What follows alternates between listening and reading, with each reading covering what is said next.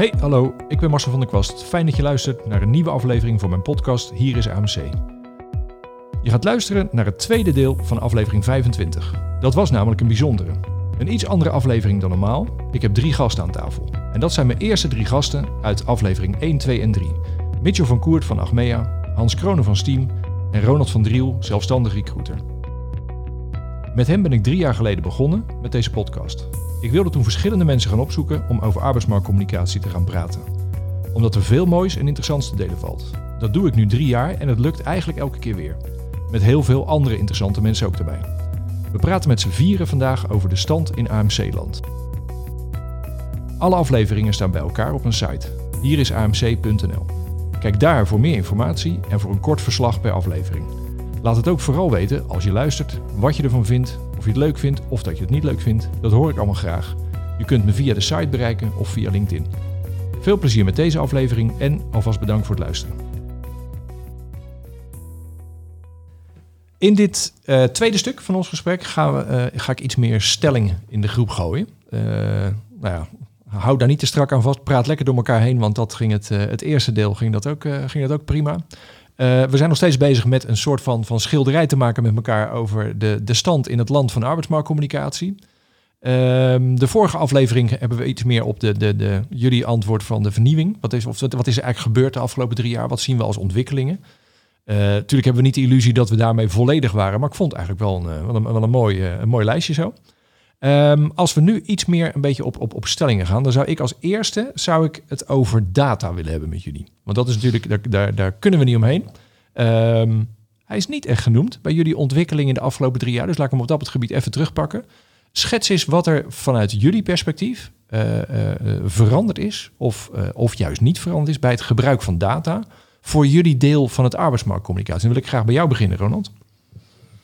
Ja, het woord valt niet spontaan uh, bij mijn opdrachtgevers. Uh, dus ik moet het er zelf uh, inbrengen.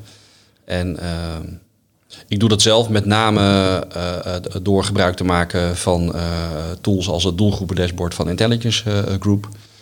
Dat helpt mij eigenlijk al, ik geloof dat ze 18 jaar bestaan, al 18 jaar om doelgroepen te begrijpen en te grijpen. Ehm, en bijvoorbeeld om uh, als er een, een, meervoudige vacature is waarvan we de 20 of 30 zoeken. Of er is een hele lastige uh, uh, vacature die maar niet ingevuld wordt. Om een splitsing te maken tussen bijvoorbeeld een junior, een medior en een senior variant. Ja.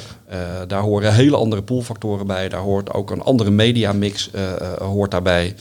Ehm, dat is de manier waarop ik uh, zeg maar de voorkant met data uh, Eigenlijk gewoon puur het, het, het ja, onderbouwen van je wervingsuitgangspunten. En zeggen van dit is, dit is de situatie ja. en dus moet dit gebeuren. Ja, ja oké. Okay. En dan vervolgens op het moment dat er een recruitment systeem is, leren van je eigen activiteiten voor diverse doelgroepen op diverse media. En wat is daarin succesvol en uh, wat gaan we dus niet meer doen en wat gaan we versterken. Ja, ja. En, en hoe actueel, hoe zit je daar bovenop? Zit je dagelijks bij te sturen? Of nee. nee. ook wel de tijd geven om iets te laten gebeuren? Ja, nou ja, ik stap vaak in een prehistorische situatie stap ik in. Ja. Uh, en dan is zeg maar een basaal begrip van die doelgroepen, zoals met dat doelgroepen dashboard, dat is heel belangrijk en dat is ja. heel uh, effectief. En tegen de tijd dat we echt gaan bijsturen, ben ik, uh, alweer, uh, heb ik alweer een opvolger uh, aangetrokken en ja. ingewerkt. En, en, wat is de, de verandering daar geweest? Is, is, is dat veranderd de afgelopen drie jaar of is dat eigenlijk een soort solide basislaag gebleven? Nee, tot, ja, tot mijn verbazing is dat zeg maar bij mijn opdrachtgevers weinig veranderd. Oké. Okay. Ja. Okay. Nou, dat lijkt mij een mooi bruggetje naar ja, kijk, uh, binnen, binnen Achmea zie je dat er wel echt wel iets is veranderd uh, in het kader daarvan. Uh, recruitment staat hoger op de, op de agenda en dat merk je ook tot op de hogere niveaus. Hè. Dus ook op raad van bestuurniveau wordt er over recruitment gesproken en over de, de wervingsbehoeften die we als organisatie hebben. En je ziet dat data daarin ook een steeds prominentere rol krijgt. En eigenlijk komt data in alle processtappen van het recruitmentproces komt dat terug. Hè? Ronald maakt net een brug eigenlijk naar wat meer het intake-stuk. Waar je dan bijvoorbeeld aan de hand van het doelgroepen dashboard heel goed kan kijken van hey, wat is een inschatting hoe ik deze vacature in de markt ga zetten. Uh, dat doen wij ook.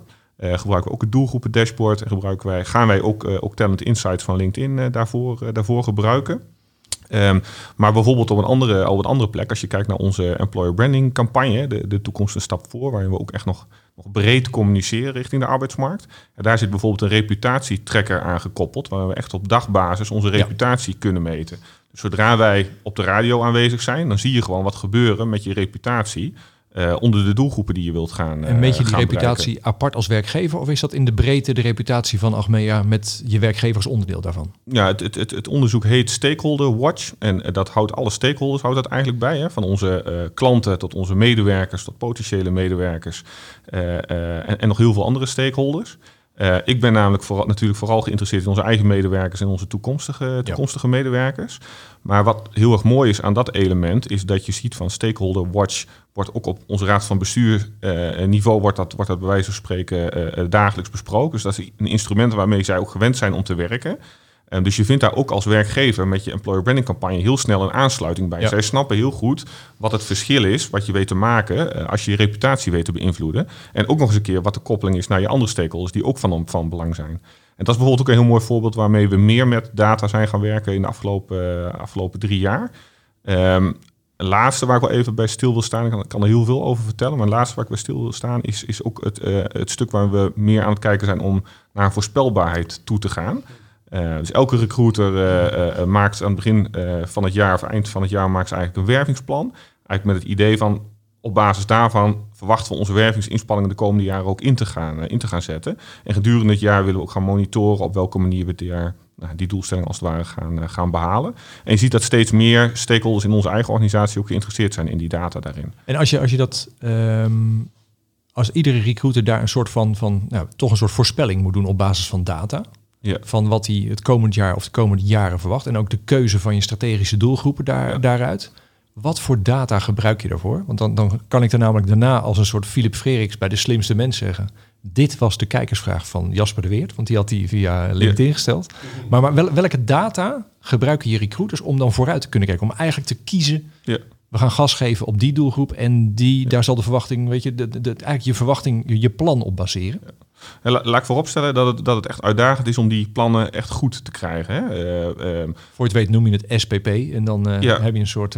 Maar mijn, mijn, mijn uitgangspunt en, en doelstelling is ook niet om perfecte plannen te maken. Ehm, wat ik eigenlijk wil is dat we meer proactief aan het werven gaan. Ja. En een plan helpt daarbij. Ook al is het bij wijze van spreken maar voor 30% voorspelbaar als je dit jaar voor 30% voorspelbaar bent en volgend jaar 40 of 45%, dan zit je nog steeds heel ver van de werkelijkheid af. Maar weet je wel dat je de goede kant op aan het bewegen bent. En ik vind het heel erg belangrijk om daarmee, daarmee te beginnen. Welke data gebruik je daarvoor, was je vraag.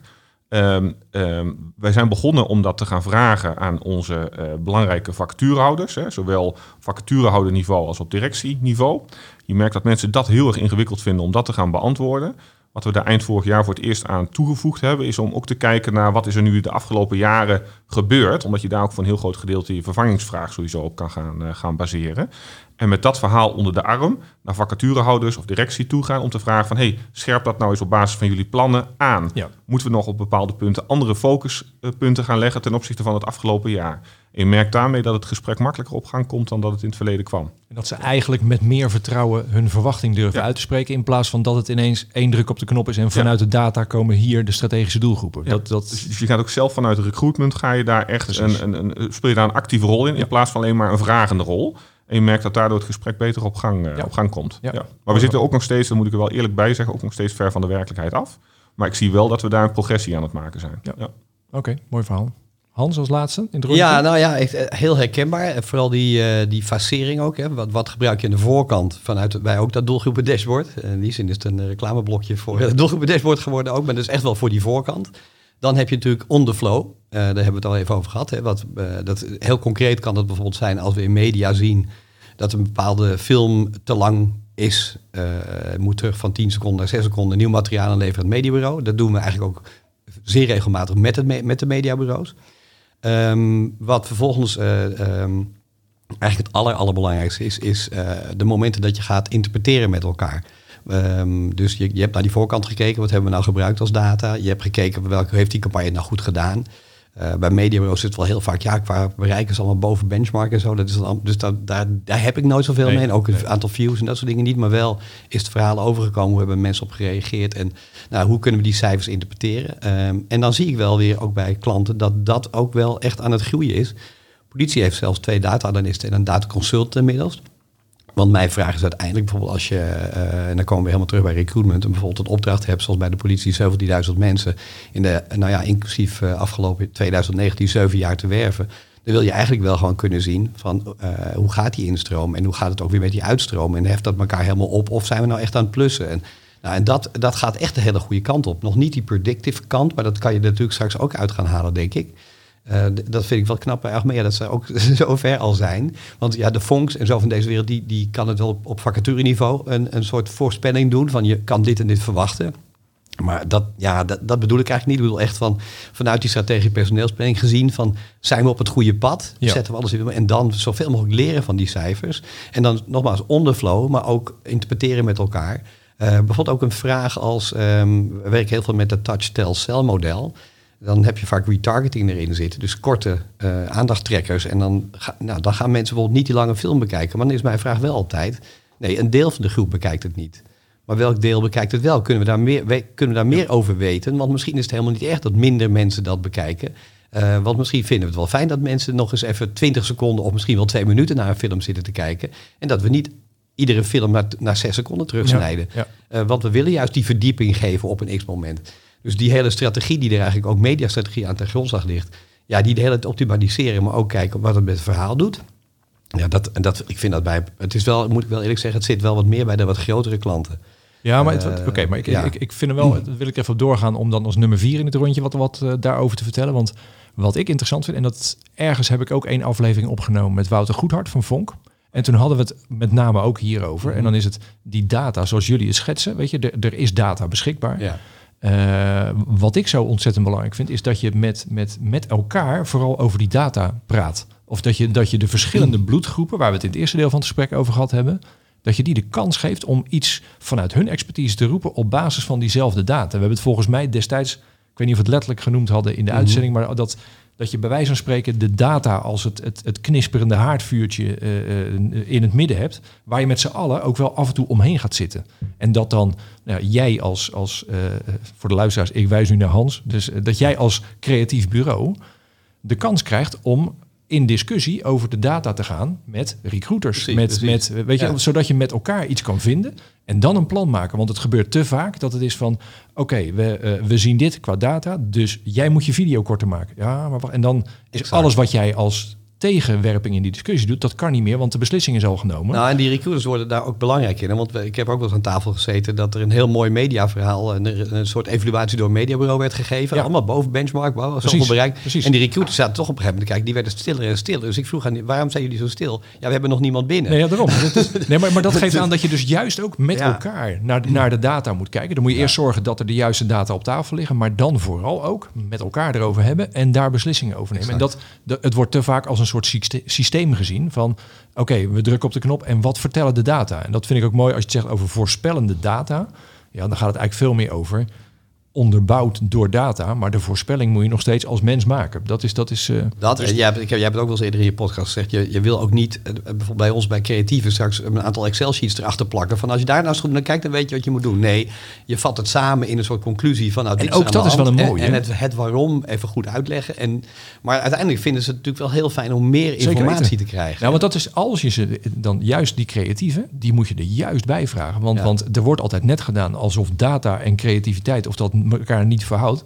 Mijn ervaring is dat je een creatief niet blijer kan maken met een heel duidelijk verhaal wat op data gebaseerd is. Want dan weet hij exact. veel beter wat hij moet gaan, moet, moet creatief moet gaan vertellen. Dus dat, ja, dat vind ik juist ook wel een mooie. Ja. Maar data dus niet als de heilige waarheid. Nee. nee.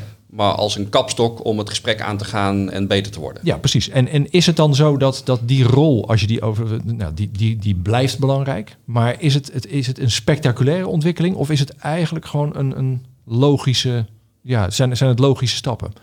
Of laat ik hem anders stellen. Waar zie je in, het, in de komende tijd de belangrijkste uh, extra data vandaan komen? Of waar heb je misschien de grootste behoefte aan data? Ja, als, als ik even voor, voor mezelf uh, spreek vanuit Achmea, hè, dan denk ik niet dat ik heel erg behoefte heb aan extra data hoor. Dus dat, dat, dat is denk ik niet het, uh, niet het geval. Voor mij zijn de belangrijkste aandachtspunten één, uh, de kwaliteit van de data. Hè. Dus zorg dat als je data hebt, dat je er ook echt op kan baseren. Dus dat betekent ook dat je bepaalde dingen heel goed moet administreren om daadwerkelijk goede uitspraken te kunnen doen. Anders ga je inderdaad ook echt het risico dat je de verkeerde conclusies mm -hmm. gaat trekken.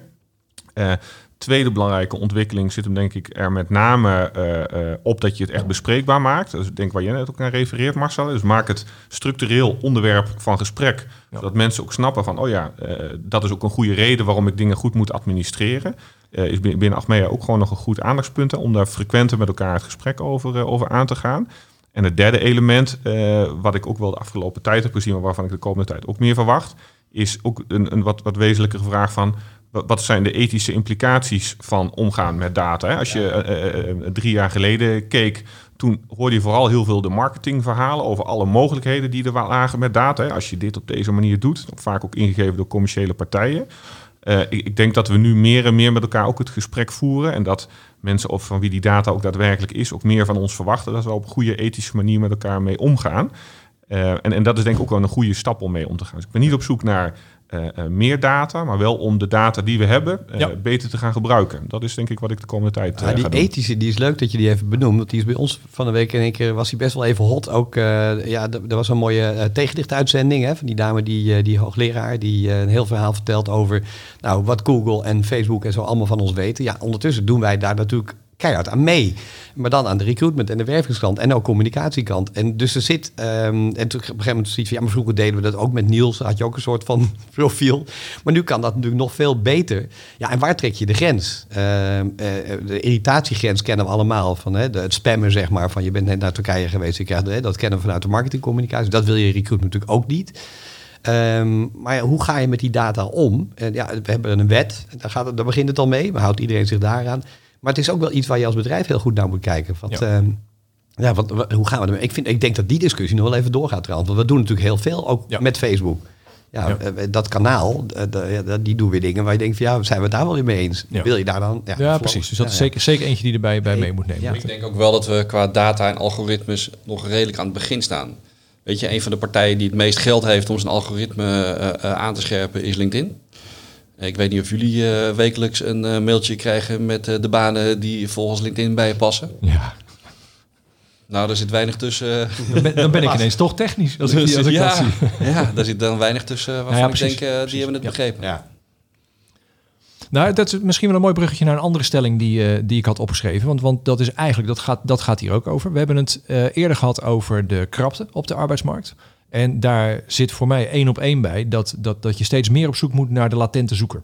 Niet de actieve baanzoekers, maar de latente zoeker. Nou, dat zal in het geval van jou, Hans, met als, als bureau ben je bijna alleen maar bezig met latente zoekers. Nou, maar, ook, wel dat, ook wel hoor. Die, die actieve zoeker. Als wij laaghangend ver binnen kunnen halen ja, en, en, daar snel mee kunnen helpen, dan doen we dat natuurlijk ook. Maar het is, het is wel zo dat natuurlijk uh, je zal steeds meer uh, op zoek moeten om in beeld te komen bij die latente zoekers. Terwijl dat wordt moeilijker en moeilijker. Want het mediagedrag dat, dat, dat versnippert waar je bij staat natuurlijk. Uh, hoe, hoe, kijken jullie daar vanuit je eigen werkgebied? Hoe kijk je daar tegenaan? Hoe ga je, uh, nou, hoe wil je die latente, latente zoekers, moet ik zeggen, uh, bereiken? Begin bij jou, Ronald. Ja, um, ik ben natuurlijk vooral bezig met die actieve uh, werkzoeker, omdat ik met dat laaghangend fruit bezig ben. En dan valt er in dat actieve wereldje nog een hoop winst te behalen. Ik verbaas me af en toe. Ik heb een aantal zorgopdrachtgevers. En die zoeken dan bijvoorbeeld psychiaters. Nou, echt niet aan te komen. Of verpleegkundige specialisten. Ook niet aan te komen. En als ik dan mensen op LinkedIn uitnodig. Dan zegt de helft. Die accepteert dat. Dus dat zijn latente werkzoekenden. Die zijn absoluut niet actief op zoek naar. Maar op een of andere manier wordt die groep toch weinig nog dat zal zeker heel snel gaan veranderen. Weinig nog aangesproken op, op LinkedIn. En vind het dan eigenlijk wel fijn als je een beetje een goed verhaaltje hebt. Hè? Niet zomaar connecten, maar even een goed verhaaltje. Um, nou, dat is de manier waarop ik met een aantal hele lastige doelgroepen toch contact krijg met die latente doelgroep. Ja. Maar dat is iets anders als waar, eh, waar jullie mee... eh, Ja, maar het is wel in de basis betekent dat ook wel dat het dus eh, daar valt nog winst te halen. Zeker. dat zal zeker niet voor alle groepen zijn, maar daar Nee. dat, het is. Oké, nou. kan, het kan ook wel in je, al in je strategie zitten hoor. Bij eh, Centric hebben wij de, het Craft-programma geïntroduceerd. Dat eh, heet Craft eh IT Develop Yourself. We zijn heel erg gaan zitten op het verhaal dat die markt zich ook zo, IT zich ook snel ontwikkelt. Dus ontwikkel mee. En we hebben een heel aantal eh, eh, experts eh, binnen Centric naar voren geschoven als, als craft experts. Craft coaches hebben we ook rondhobbelen. En dat is niet alleen voor die interne doelgroep, maar ook voor die externe doelgroep. Wat gebeurt er? Men gaat dus over de inhoud communiceren. Dus die craft experts die pakken echt zo'n heel, dat bedoelde ik net met dat, en daar ging het één keer bij ons ook een beetje mis met LinkedIn. Want dat, getar, dat is zo specifieke content, die moet je dus ook heel specifiek targeten. Want zit je er maar één naast en denkt iemand, waar, wat moet ik hiermee? Want het is, daar ben ik niet van. Eh, dus dat is wel, dan moet je ook wel heel gericht, maar vanuit die experts eh, heeft, men, heeft men het gewoon over het vak. en dan precies. heb je een relatie en die expert is inmiddels erop getraind dat als het ruikt een beetje naar hij wil misschien wel in beweging komen of bij een derde contact of zo, dan kan hij naar die coach gaan. Dan kan hij, wat zou je bij ons kunnen en hoe zou je groeipad er al uitzien? En dan eigenlijk pas, soms ook in eerste instantie al, of eerst altijd die expert of die coach en dan pas de recruiter. En soms zit er dus nog wel een stap tussen. Dus van de expert naar dus- de coach naar de recruiter. Dus dan zeg je eigenlijk, je moet op inhoud Puur op inhoud, ja. En eh, werving komt wel een keer. Ja, en de- maar het is, het is dus wel een onderdeel van onze employer brand strategie om met die inhoud naar voren te treden. En ze hebben dat ook echt omarmd, dat hele krachtprogramma. En het, het loopt ook en het werkt, wordt daar intern ook. eh, er zitten evenementen aan gekoppeld. Dus eh, we hebben ook echt de doelstelling, als we een evenement hebben, 50% moet daar eh, van intern zijn. En 50% moet van buiten zijn. Ja. Dus je, je, je creëert ook een mix bij evenementen van externe en interne. En ook weer op de inhoud hoor. Ze het komen echt ook- alleen maar op de inhoud. Ja, precies. Maar die inhoud die geef je in eerste instantie dus Ja. gewoon als, als Centric zijnde. Je, je, je biedt iets waar mensen echt iets aan hebben. Precies. Vanuit dat contact komt er in een aantal gevallen komt er wellicht werving op gang. Kijk, je, uiteindelijk is je doel dan van wat fijn dat ze me helpen mezelf te blijven ontwikkelen. Want ja, er komt een moment dat ik ook een stap maak. Weet Ja. je, dat is eigenlijk wat je Ja, dan. en dan aan het ben je in doen beeld. bent. Ja, en Dan dan, ben ben je wel in beeld. Eigenlijk is dit gewoon referral 3.0. Ja.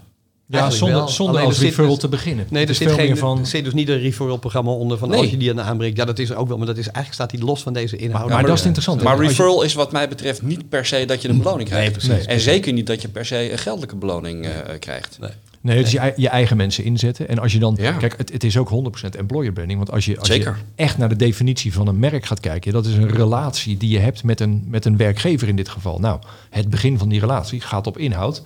Vanaf dat moment kan er best een keer werving aan toegevoegd worden. Dus dat... eh, Oké, mooi voorbeeld. Ja, nou ja, eh, als, als ik even vanuit Achmea kijk, hè, dan ehm, eh, denk ik dat als je met die latent werkzoekenden aan de slag wilt gaan, ehm, dat je dat eigenlijk niet primair inderdaad vanuit een vacature zou moeten doen. Als je, als je op dat moment zou beginnen, dan ben je eigenlijk gewoon, gewoon te laat. En dan zul je best af en toe een latent werkzoekende weten te verleiden om op een baan te solliciteren die je aanneemt. Een heel mooi succes, maar het zal je ook heel vaak niet lukken. Zeker in hele schaarse doelgroepen. Ehm, als je uiteindelijk toch die latent werkzoekende op een wat langere termijn aan je, aan je bedrijf wil, eh, wil verbinden, dan is mijn visie wel dat je gewoon echt wat duurzaam ook met je merk aan de slag moet gaan richting die doelgroep. Dus als jij weet van hé, hey, er zijn gewoon bepaalde doelgroepen en dan begint het dus ook weer met het goed op orde hebben van je, eh, je doelgroepeninformatie. En, en enigszins weten waar ga ik de komende twee, drie jaar met mijn bedrijf op, op richten. Eh, dan weet je ook dat je duurzaam met een bepaalde doelgroep aan de slag Ja. moet gaan. En, eh, Dat je aan de relatie kan werken. en dan, en, en dan de, de middelen waarmee je dat doet, ja, die, die zijn super divers. Hè? Dat als je wat jongere doelgroep zoekt, dan zul je weer op campus en universiteiten zul je je begeven. Is het een oudere doelgroep, dan zul je andere, andere instrumenten eh, eh, kiezen. Maar het vraagt, als je het mij vraagt, met name een wat langere adem. Hè? Want je kunt ook met talentships mensen gaan opleiden, maar dat moet je niet doen voor een half jaar of voor een jaar. Dat moet je echt voor een wat langere termijn moet je dat doen. Ook rekening houden met, met goede uitstroomplaatsen voor die mensen, dat je niet daarna uit zo'n programma stopt. En dat, dat, dat vraagt dus wel een bepaalde visie eh, en doorzettingsvermogen om met een bepaalde doelgroep aan de slag te gaan. Ik denk Ja. dat dat eigenlijk de enige manier is om echt succesvol ook die latent werkzoekenden eh, aan, je, aan je merk te verbinden.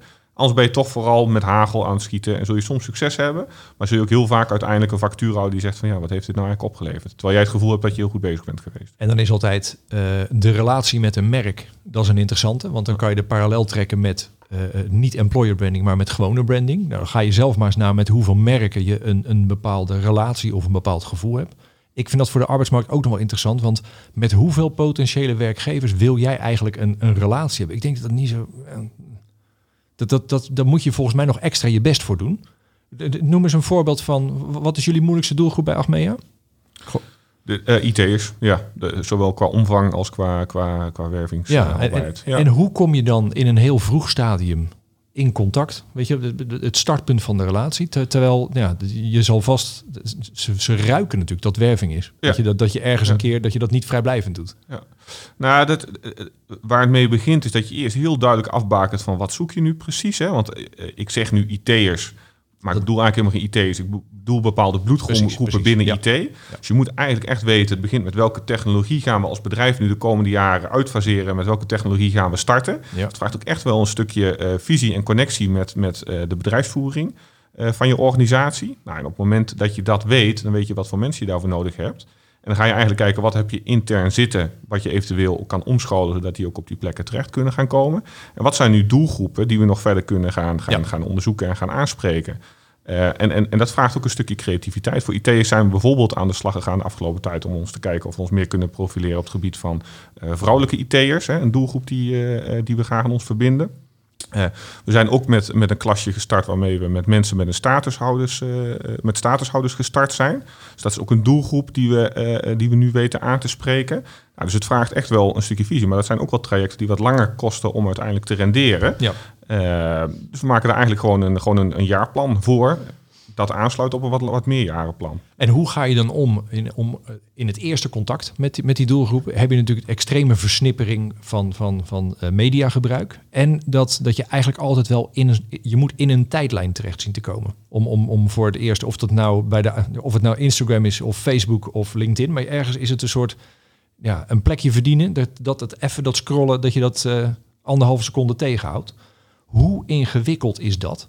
Heb, jij dat, Ronald, bij je, bij je recruitment kijk, voor vacatures? Moet je natuurlijk ook in beeld komen op de een of andere manier. In dat, in dat, dat drukke bestaan met al die schermen. En, en hoe, Ja. hoe, hoe, hoe, hoe, hoe doe je dat? Ja, dan krijg je de eerste lagen van de spekhoek, hè?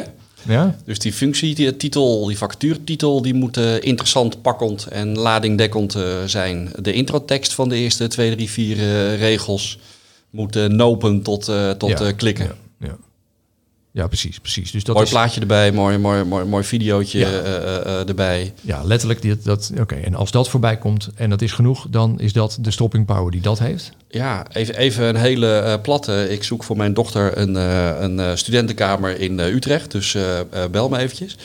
Ehm, en ik heb op LinkedIn een post gedaan. En die begon met beloning een Magnum fles champagne. Ik geloof dat die inmiddels eh, 22.000 keer bekeken is. Ja. En hoeveel fles champagne ben je ook kwijt? nou, ik hoop, ik hoop één. Ik hoop, ja, precies. ik hoop het ook voor je. ja. Nou, maar, maar, maar, maar daar zeg je natuurlijk wel iets mee. Dat is jouw netwerk. En dat is niet zomaar een vacature Absoluut. rondsturen. Dat is, dat is de kracht van het, Absoluut. het maar mijn netwerk zorgt er ook weer voor dat een vacature, in dit geval vacature, wordt doorgezet naar Ja. andere netwerken. Ja, precies. Dus daar- het begint wel bij je eigen netwerk. Ja, nou, en, en dat vind ik dus met... met eh, maar goed, eh, ik kom straks nog wel bij jullie terecht. Maar dat ehm, het kopen van een plek in een tijdlijn is, is natuurlijk, het kan. En het, dat, dat is in veel gevallen, is dat ook absoluut... Ja. eh, weet je wel, voegt dat, eh, voegt dat iets toe. Maar organisch is veel belangrijker. Nou ja, en je eigen mensen. Je eigen mensen die al die netwerken Zeker, hebben. Op die, op de, die plek daar verdienen. Daar ligt ook vaak ontzettend veel winst. Maar goed, dat, eh, dat heb ik... Het hangt ook misschien een beetje van eh, de situatie af. Jij noemde ook al net psychiaters. We hebben voor de Stichting Epilepsieinstelling in Nederland GZ-psychologen moeten werven. Nou, dat lukte dus niet. Eh, in eerste instantie, toen zijn we eigenlijk heel erg op de kennismakingstoer gaan zitten.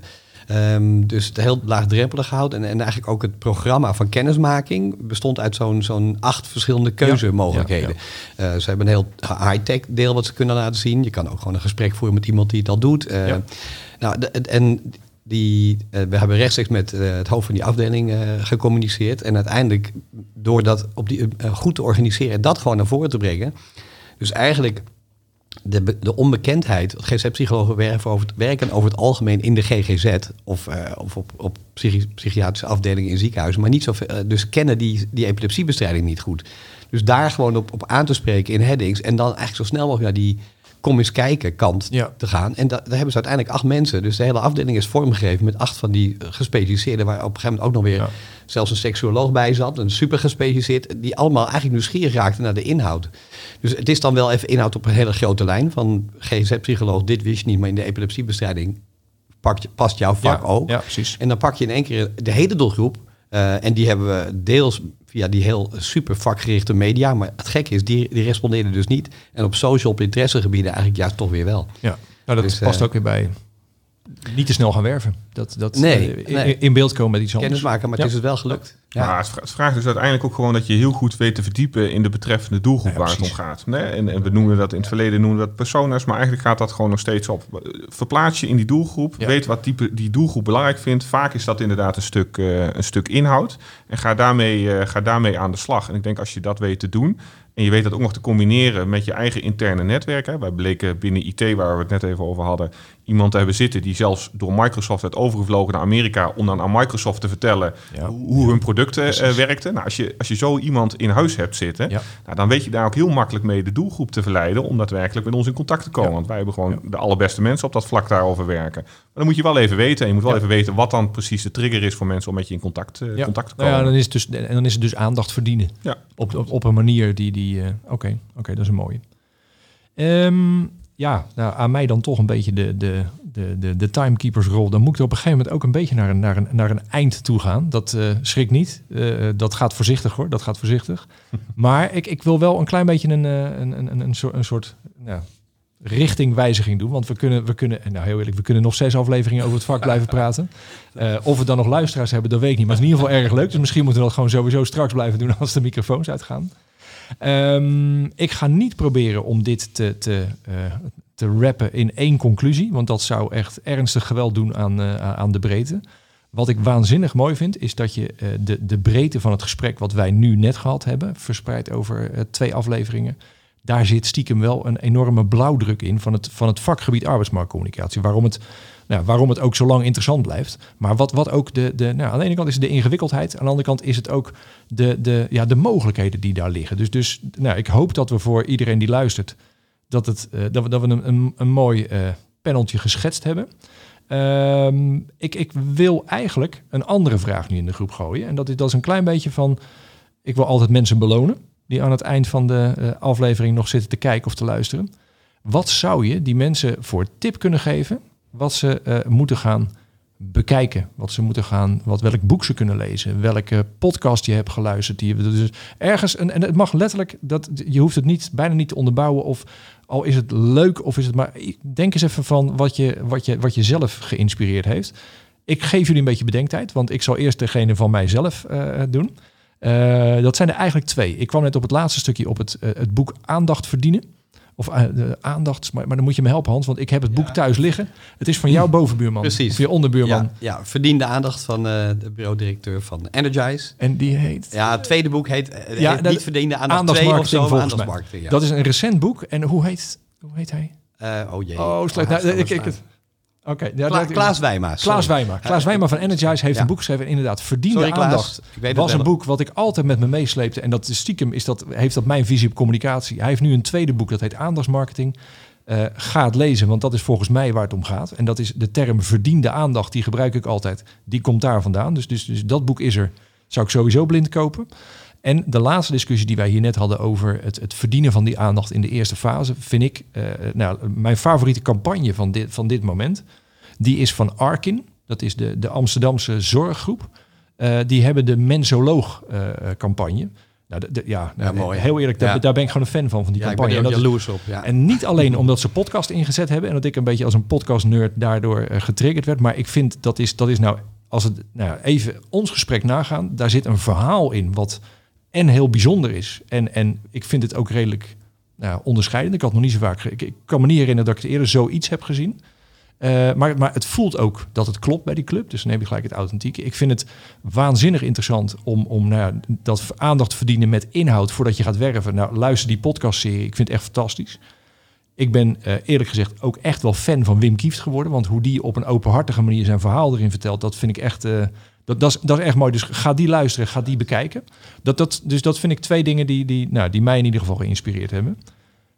Ik Nou. hoop dat ik jullie nu genoeg bedenktijd heb gegeven om zelf iets te noemen. Wie, eh, Nou, wij hadden toevallig gisteravond een, eh, eh, aangejaagd door onze, onze stratege, Jari Kloppenburg, over, volgens mij is zijn voornaam Rory Sutherland. Hij is van Ogilvy. Oh, ja, dat zilveren boek, of niet? Ja, hij, Ja. en hij, ziet er, hij ziet er ook uit als de oude Ogilvy. Ze draaien, dragen volgens mij allemaal rode bretels daar Ja. bij Ogilvy. Dat is volgens mij een, een soort advertising property van hunzelf. En eigenlijk ging het wel weer over creativiteit. Maar ehm, het ging ook over, nou eigenlijk, we noemen het data. Als je allemaal dezelfde data volgt, dan kom je ook allemaal in hetzelfde dingetje terecht. En probeer daar nou eens uit te breken. Dus het gaat over out of the box denken. Het gaat, en hij heeft zulke mooie voorbeelden. Een voorbeeld bijvoorbeeld eh, Coca-Cola, wat al zo lang marktlei- marktleider is. En ehm, hoe eh, Red Bull die markt ook heeft, eh, dat is ook door een heel ander soort denken geweest. Want het is natuurlijk niet, niet te hachelen, dit drankje. En, in plaats van, als je de normale marketing of economie, economie eh, had gevolgd, dan had je waarschijnlijk goedkopere, in grotere verpakkingen cola gaan aanbieden of zo. Maar dus ze zijn met iets heel anders gekomen, wat veel te duur is eigenlijk en niet te, niet te hachelen is. En in een kleine blikje. Zo zie je dat je dus juist met een hele andere invalshoek, maar dan moet je natuurlijk wel lef hebben. En er gaan ook heel veel dingen mis dan. Maar als je dat zou doen, oh ja, daar, oh je hebt het even, dankjewel. Rory Sutherland. Ik zei, ja, Ja, de ja. onweerstaanbare kracht van marketing. Maar die podcast op TEDx, of sorry, de, de, de, de, de TEDx-versie is dat even lekker. Er zijn er een paar van. Ik zou zeggen, kijk die. Dan hoef je alleen maar even achterover te leunen, net als nu, alleen dan met beeld. Ik ga de, de link gaan we opzoeken en die, leuk. zetten we, die Ja. zetten we in de show notes. Mitchell. Ja, heel mooi eh, Marcel. Een mooie verrassing nog aan het eind. Zo. Ik heb net even op mijn telefoon even opgezocht eh, hoe, de, hoe de auteur, eh, auteur heette. Eh, ik heb eigenlijk twee tips eh, die ik mee zou willen geven. Eh, de, de oprichter van Speech Republic, dat is een bureau wat eh, veel sprekers ook traint om daadwerkelijk te spreken. heeft een boek geschreven, Magie in al je communicatie. En ik denk dat dat voor alle arbeidsmarktcommunicatie professionals, maar ook alle recruiters, een heel mooi boek is om te lezen. Hij is eigenlijk een rondje de, de hele wereld langs gegaan. Heeft ook met mensen als Bar- Barack Obama gesproken. En heeft eigenlijk gekeken van wat maakt dat soort speeches nou eigenlijk daadwerkelijk bijzonder. Eh, en dat soort verhalen, dat die daadwerkelijk ook, ook beklijven. Nou, in, in zijn boek analyseert hij eigenlijk waarom dat dan in zit. Magie in je communicatie. Echt een aanrader om, eh, om te lezen als je wil dat je verhalen eh, beklijven. Ehm, tweede tip die ik wil, wil meegeven ehm, ehm, voor, voor de arbeidsmarktcommunicatie professionals eh, is het boek Full Stack Recruiter. Auteur ken ik niet, is op Amazon te vinden. Eh, en geeft eigenlijk een heel mooi overzicht waar het recruitmentvak nou daadwerkelijk uit bestaat. Van arbeidsmarktcommunicatie en employer branding tot een intake van een vacature en alles wat ertussen zit. Eh, wo- wordt eigenlijk op een hele goede, heldere manier wordt dat beschreven. En eigenlijk als je dat boek gelezen hebt, nou, dan ben je een heel eind op weg om te snappen hoe het recruitmentvak werkt. En als je dan dus ook, net als ik, gelooft dat je eh, arbeidsmarktcommunicatie in het hele proces moet terugbrengen, weet je ook op welke punten je kan, eh, kan gaan focussen. Dus eh, lees Top. dat boek. Top. Mr. Van Driel. Dankjewel. Eh recruitment eh, gaat over mensen. En om mensen te begrijpen zit ik op dit moment eh, heel diep tot ver over mijn oren in de trilogie van Harari. Sapiens, Homo Deus en Lesson voor de 21ste eeuw. Echt fantastisch. Ehm, en voor mijn daily or weekly digest ben ik een fervent bezoeker van de Werven pagina.